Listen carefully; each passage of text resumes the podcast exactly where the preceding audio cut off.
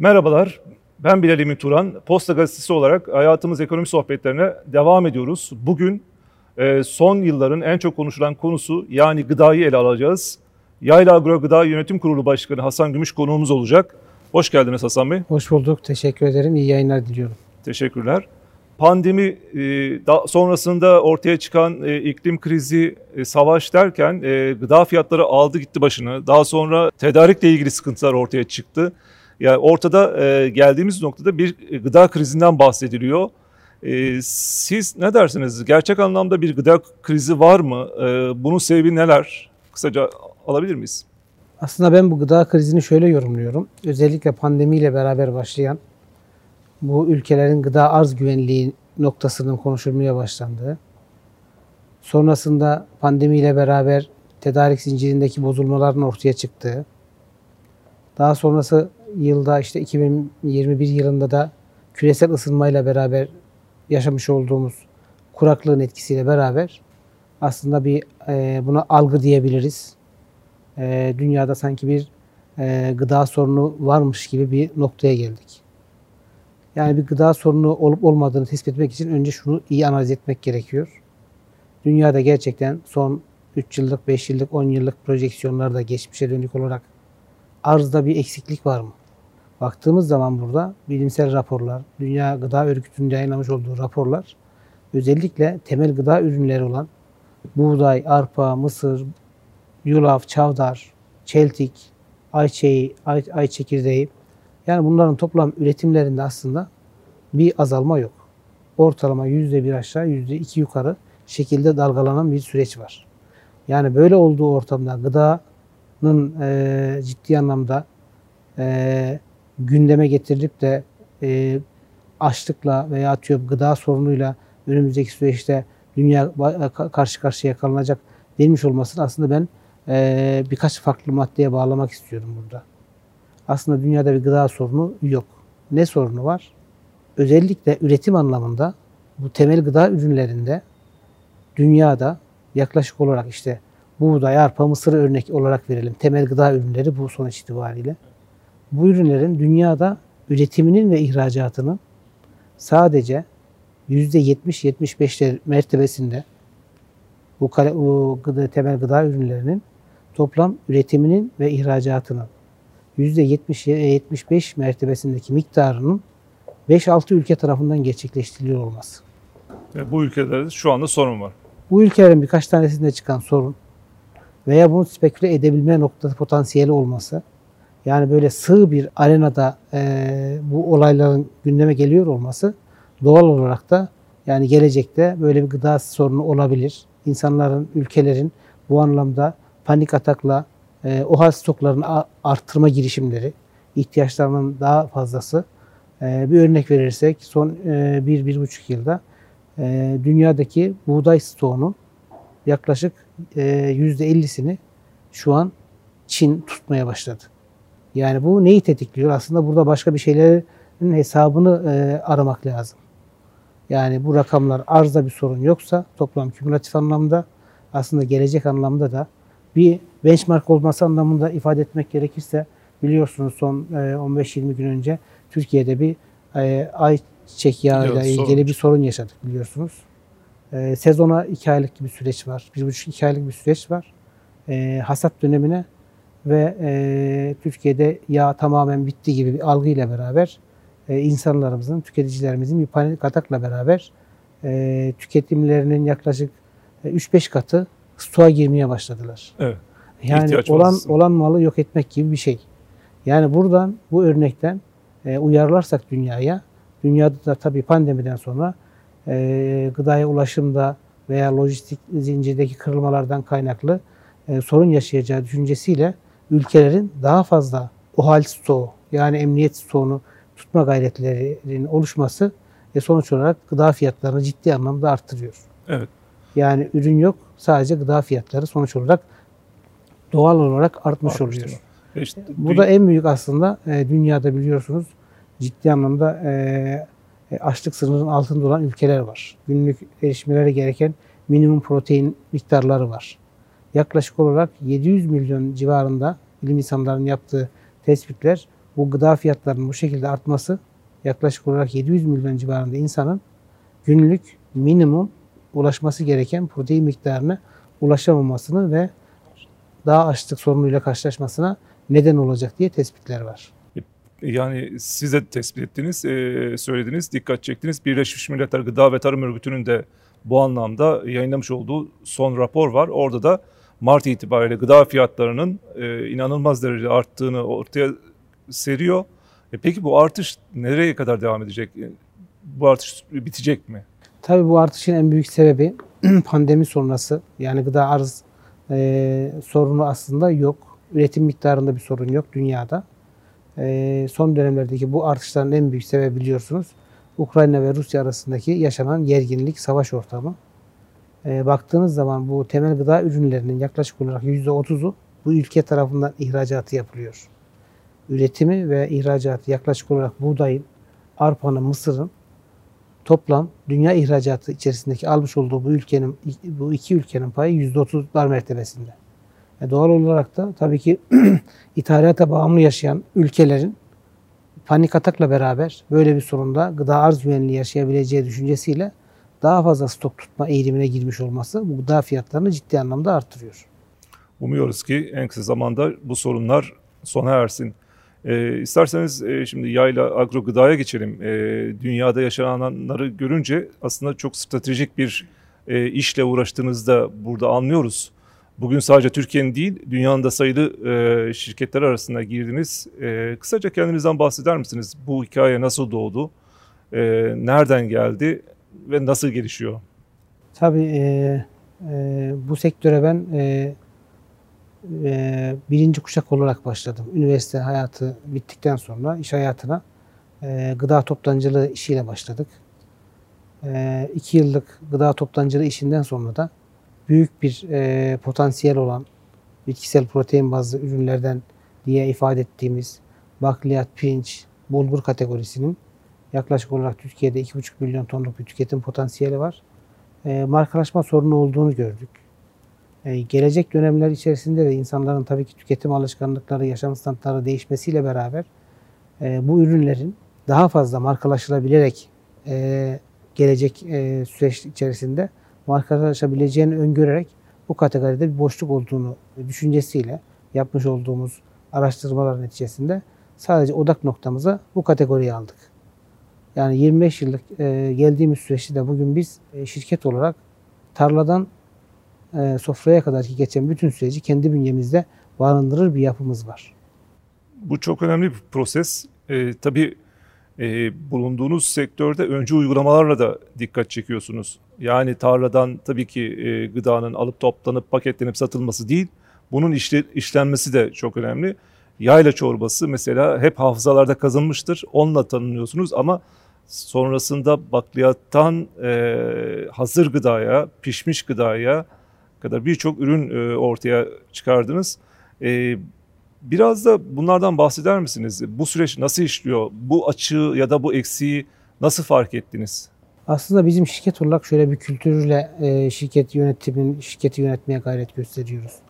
Bir adakurasi kültürü vardır.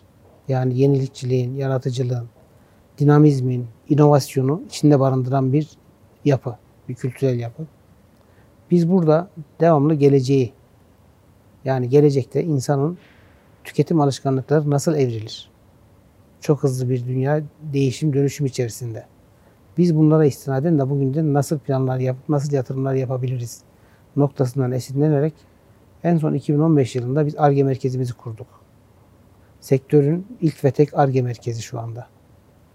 Yani tabii ki dediğim gibi dünyada her şey insan istek ve ihtiyaçlarıyla şekilleniyor. Doğal olarak da bizler de insanların bu şekillenmesine, e, bu evrilmesine uyumlu yatırımlar yapabilmemiz lazım ki e, hem tüketicimize hem insanımıza o anlamda bir değer katabilelim. Onun için de daha katma değerli ürünler, insanların daha pratik, yani daha doğrusu şöyle ifade etmek gerekirse daha sağlıklı bir gelecek inşa etmek aslında bizim mottomuz. Yani e, dünyada e, e, hızlı bir e, tüketim, e, batı tarzı tüketim var. Biz de buraya doğru evriliyoruz aslında. Yani batı tarzı işte fast food kültürünün çok hızlandığı bir dönem, dönemi geçiriyoruz. E bunun karşılığında da bizde tabii ki elimizde böyle bir değer var. Bitkisel protein bazlı ürünler ama hazırlanması e, sofraya gelinceye kadar bir zahmet gerektiriyor. İnsanlar buna çok e, çok hızlı bir e, yaşantı var. E, bayanların özellikle iş hayatına katılmış olması, e, bireysel yaşantının ön plana çıkması, e, insanların daha pratik, tabiri caizse adet yerini bulsun diye yemek yiyen bir gençliğimiz var. Yani yani nitelikli bir aslında beslenme kültürümüz yok. Biz de burada böyle bir kendimize sosyal sorumluluk atettik. Dedik ki ya böyle elimizde böyle değerli ürünler var. Bunları biz gelecek nesillere taşıyabilmemiz gerekiyor. Onun için de bunların e, alışkanlıklarına uygun hale getirmemiz lazım bu ürünleri düşüncesinden yola çıkarak işte bizim bildiğimiz geleneksel yaklaşık 40 farklı e, ürünü ARGE'mizde geliştirdik. Yani 2 yıla kadar e, dayanıklılığı olan eksi 40 artı 40 derecede muhafazası sorunu olmayan e, uzun ürünler, yani. uzun ömürlü, raf ömrü 2 yıla kadar olan ürünler geliştirdik. Yani insanların 2 dakikada ısıtıp yiyebileceği e, ürünler. E, bu ürünler tabii ki biraz içeriğinden bahsetmek lazım. Bu ürünlere karşı toplumun aslında biraz ön yargısı var. Hazır yemek deyince katkılı, koruyuculu, içinde kimyasal olan ürünler gibi aslında algılanıyor. Bu böyle bir şey değil. Ee, buradaki iki önemli faktör var bu ürünlerin bu şekliyle raf ömrünün uzun olmasının. Birincisi ambalajın şekli. Aloxpet dediğimiz yeni nesil ambalajlar, özellikle gelişmiş ülkelerin uyguladığı bir ambalaj tipi. Yani bu ambalajların en büyük özelliği oksijen geçirgenliğinin sıfır olması. Diğer ikinci konuda kullanılan teknoloji. Tamamıyla kapalı devrede üretimin yapılmış olması. El değmeden. El değmeden. E, kapalı devrede e, çok hijyen bir ortamda buradaki uzun ömürlülük katan da aslında ambalajın içerisindeki biz e, basit anlatımıyla hayatı donduruyoruz. İçerisindeki oksijeni alıyoruz. Ambalajın da %100 oksijen geçirgenliği noktasındaki faydasıyla beraber ürün evde yapmış olduğunuz tenceredeki ürününüzü bu ambalajların içerisine koyup hayatı dondurup 2 yıl boyunca istediğiniz an aynı esrafta, aynı lezzette tüketebilme imkanına sahip oluyorsunuz. Çok güzel bahsettiniz. Hem geleneksel e, yöntemlerle üretilen ürünler hem Türk insanının e, damak tadına hitap ediyor. Bir taraftan da tabii bu ürünler sadece yurt içinde tüketilmiyor, yurt dışında da tüketiliyor. E, bu ürünlerin pazarlandığı ülkelerden de biraz bahseder misiniz? Nerelere gönderiyorsunuz? Tabii e, hızlı tüketim aslında daha çok Batı ülkelerde e, yerleşik bir e, durumdur. E, bunun tabii ülkemize gelmesinde, hızlanmasında siz de bahsettiniz. Yaşam biçimindeki değişiklik, pratiklik, zamanın değer kazanması ve pandemi de etkili oldu. E, tabii Avrupa başta en büyük pazarlarınız arasında yer alıyor. E, diğer coğrafyalar hangileri? Hangi pazarlara odaklandınız son dönemde? Normalde şirket olarak biz toplam kümülatifte 65 ülkeye ihracat yapıyoruz. Yaklaşık e, bu ülkelerden 34 tanesini aynı zamanda bu e, katma değeri yüksek e, hazır gıda ürünlerinin ihracatını yapıyoruz. Yani burayı çok önemsiyoruz. Aynı zamanda bu geleneksel ürünlerimizin ihracatını yapmak suretiyle aslında bir de kültür elçiliği yapıyoruz. Yaklaşık 17 SQ ürünümüz var. Yurt dışına ihracatını yaptığımız Legurme markası adı altında.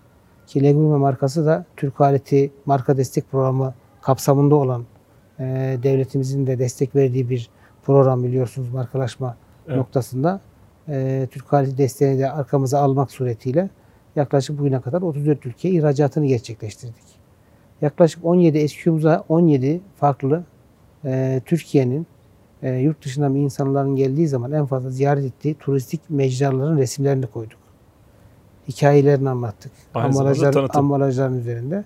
Yani bir kültür elçiliği de aynı zamanda yapıyoruz. Yani dünyadaki e, market raflarında insanlar baktığı zaman orada e, Türk damak tadını ve üründe atıyorum bir bulgurun hikayesi, işte Mezopotamya'nın bereketli topraklarından çıkan buğdayların e, bulgura dönüştürülmesi suretiyle Mezopotamya'nın hikayesini, Mezopotamya'daki işte Nemrut'tur, Çingene kızıdır, bu tür tarihi en fazla ziyaret edilen yerlerin resimlerinde kurmak suretiyle böyle bir hem insanları bilgilendiriyoruz, bilinçlendiriyoruz hem de sağlıklı ürünlere ulaşmasına e, vesile oluyoruz. Çok güzel. Ee, ihracattan bahsetmişken şimdi 1998'de faaliyete başlıyorsunuz yanılmıyorsam. E, 2008 yılında da ilk ihracat gerçekleşiyor ve geldiğimiz nokta 2021'i kapattınız. Nasıl bir değişim oldu? Yani 2021 e, dış ticaret cironuz nedir?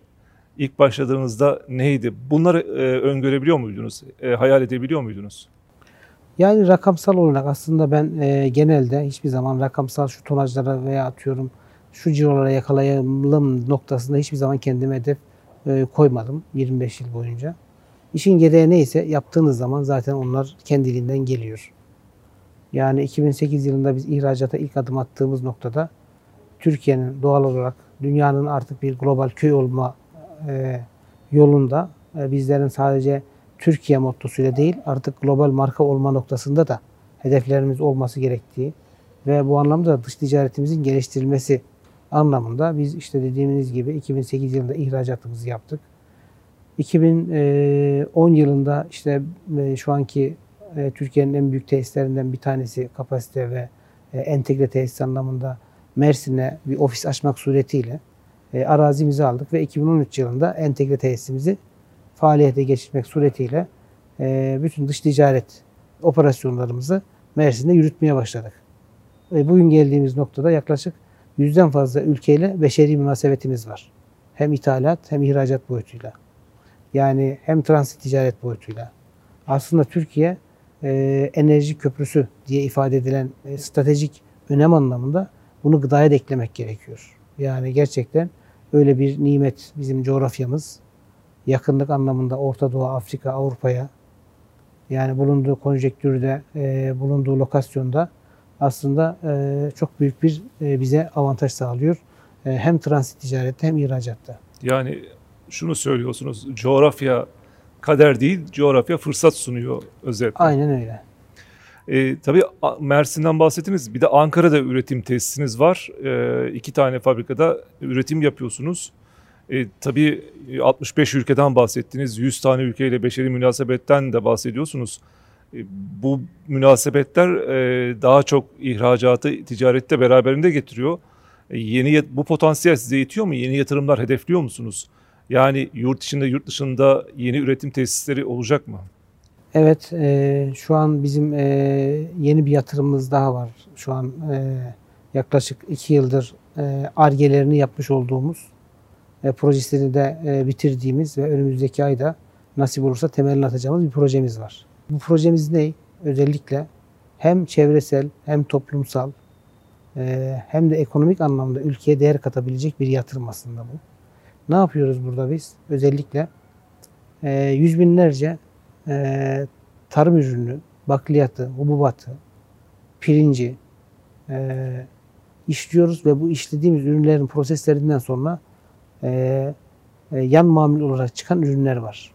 Evet. Bunları biz aslında bugüne kadar hayvan yemi olarak yem sanayinin hizmetine sunduğumuz ürünler. Prosesten sonra çıkan işte mercimeğin kırığı, pirincin kırığı, ya da deforme olmuş, buruşmuş e, herhangi bir şekilde e, paketin içerisinde e, normal klasik bakliyat ya da pirinç kategorisi içerisinde değerlendiremediğimiz, paketin içerisinde koyamadığımız ürünler. E, bu ürünlerin sadece görsel olarak bir e, eksikliği var. E, protein, mineral, vitamin noktasında bir eksikliği yok. Aynen. E, biz bunları nasıl daha katma değerli hale dönüştürürüz boyutuyla ilgili e, son 2-3 yıldır yapmış olduğumuz ARGE çalışmasının e, meyvelerini aldık. Bunlarla ilgili makine yatırımlarımızı yaptık. Makine siparişlerini verdik. Nasip olursa bu yılın sonunda faaliyete geçirmeyi düşündüğümüz bitkisel proteinli atıştırmalık ürünler. Bakliyatların işte cipsleri, mercimeğin cipsi, e, nohutun cipsi, fasulyenin cipsi, baklavanın cipsi. Aklına gelebilecek bütün e, yüksek proteinli bakliyat ürünlerinin e, katma değerlendirilerek hayvan yeminden ziyade insanın e, gıdası olarak sunmak noktasında hem çevresel hem toplumsal bir fayda sağlamayı hedefliyoruz. Onun yanında işte bu NİDE yatırımımızda biz özellikle şu anki mevcut yapmış olduğumuz yemek hazır kategorisini e, kapasite artırımını gerçekleştiriyoruz. Organik ürünlerine bunun özellikle yurt dışından ciddi talebi var. Bu organik ürünlerle ilgili de e, meyvesini biz kendimizin özellikle Mersin e, tesisimiz 127 bin metrekare bir alan üzerine kuruluyor. İlk etabı 40 bin metrekare kapalı alan olarak başlıyoruz. Bu 40 bin metrekarenin çatısına biz e, organik üretim yapabileceğimiz topraksız tarım yapacağız. Türkiye'de böyle çevresel bir projeyi inşallah hayata geçireceğiz. Yani bu e, çatısında üretmiş olduğumuz 40 bin metrekarelik alanda e, topraksız tarımla e, organik işte bu hazır yemek ürünlerinin içerisinde kullanılan domatesinden biberine, sarımsağından soğanına, e, maydanozuna kadar organik ürünleri kendi bünyemizde barındırıp e, paketleyip bunları organik olarak yurt dışına pazarlama hedef içerisindeyiz. Yani aslında biraz önce bahsettiğiniz şey çok kıymetli. Ee, yani israf edilen aslında e, gıdanın geri dönüşümü, katma değerli ürün haline getirilip tekrar e, ihraç edilmesi ve yurt dışında bunlara teveccühün olması çok önemli. Ee, özellikle hangi ülkelerden bu anlamda talep geliyor? Tabi organik ürün deyince daha çok gelişmiş ülkelerde takdir edersiniz ki e, Avrupa ülkeleri, Amerika, özellikle Uzak Doğu, e, Japonya, Kore gibi ülkeler biraz daha e, alım güçlerinin yüksek olan ülkeler biraz daha sağlığına e, daha fazla e, sağlıklı gıdaya dikkat ettikleri için daha çok organik eğilimi yüksek. E, organik ürünlerle ilgili zaten bizim de hedef noktamız oralar öncelikli olarak. E tabii mevsiminde bir üründe mevsiminde işleyip satmak çok daha önemli. E, bu konuda da e, sanırım mevsimsel e, lezzetleri de işlemeye devam edeceksiniz. E, bu arada tabii e, yatırım yaparken bir de e, halka arzla ilgili e, başvurunuzu SPK'ya yaptınız değerlendiriliyor. E, bu hamleyle neyi hedefliyorsunuz? Buradan gelecek olan kaynağı nasıl değerlendirmeyi planlıyorsunuz? Bu devam eden yatırımlara mı e, gidecek yoksa farklı projelerde gündemde mi? Evet halka arz sürecimiz bizim 6 ay önce başladığımız, 6 ay önce karar verdiğimiz bir süreç. Neden e, halka arz? Öncelikli olarak e, son 2-3 yıldır e, şirketimize olan e, farklı ülkelerden, gelişmiş ülkelerden stratejik ortaklık veya Türkiye pazarına girme gibi e, görüşmelerimiz neticesinde bizim şirket olarak daha kurumsal bir yapıya bürünmemiz, daha şeffaf, daha yönetilebilir, daha sürdürülebilir bir yapı olması bu tür yurt dışı ortaklıklarında, stratejik ortaklıklarında çok önem arz ediyor. Birinci motivasyonumuz aslında buydu. İkinci motivasyonumuz da bizim bu halka arzla ilgili e, işin sürdürülebilirliği. Ben 25 yılda bu şirketi şükürler olsun bir yere getirebildik. Türkiye'de aile şirketleri özellikle %95'i ikinci kuşağa devrolmadan devrolmadan Kaybol. kayboluyor. Ya bunun önüne geçebilmek için böyle bir halka arz süreciyle beraber şirketi daha kurumsal bir yapı ve kimliğe büründürebilmek bizim ikinci motivasyonumuzdu. Üçüncü motivasyonumuz da tabii genel olarak işte halka arz deyince daha uygun finansman yöntemiyle e, yatırım yapılabilir bir enstrüman olarak görülüyor olması genel anlamda. Tabii bu da bizim üçüncü motivasyonumuzdu. Bu yapacağımız NİDE yatırımı daha hızlı, daha fizibil, daha uygun maliyetlerle NİDE yatırımımızı toplumun, ülkenin e, faydasına sunmak aslında üçüncü motivasyonumuz da buydu bizim.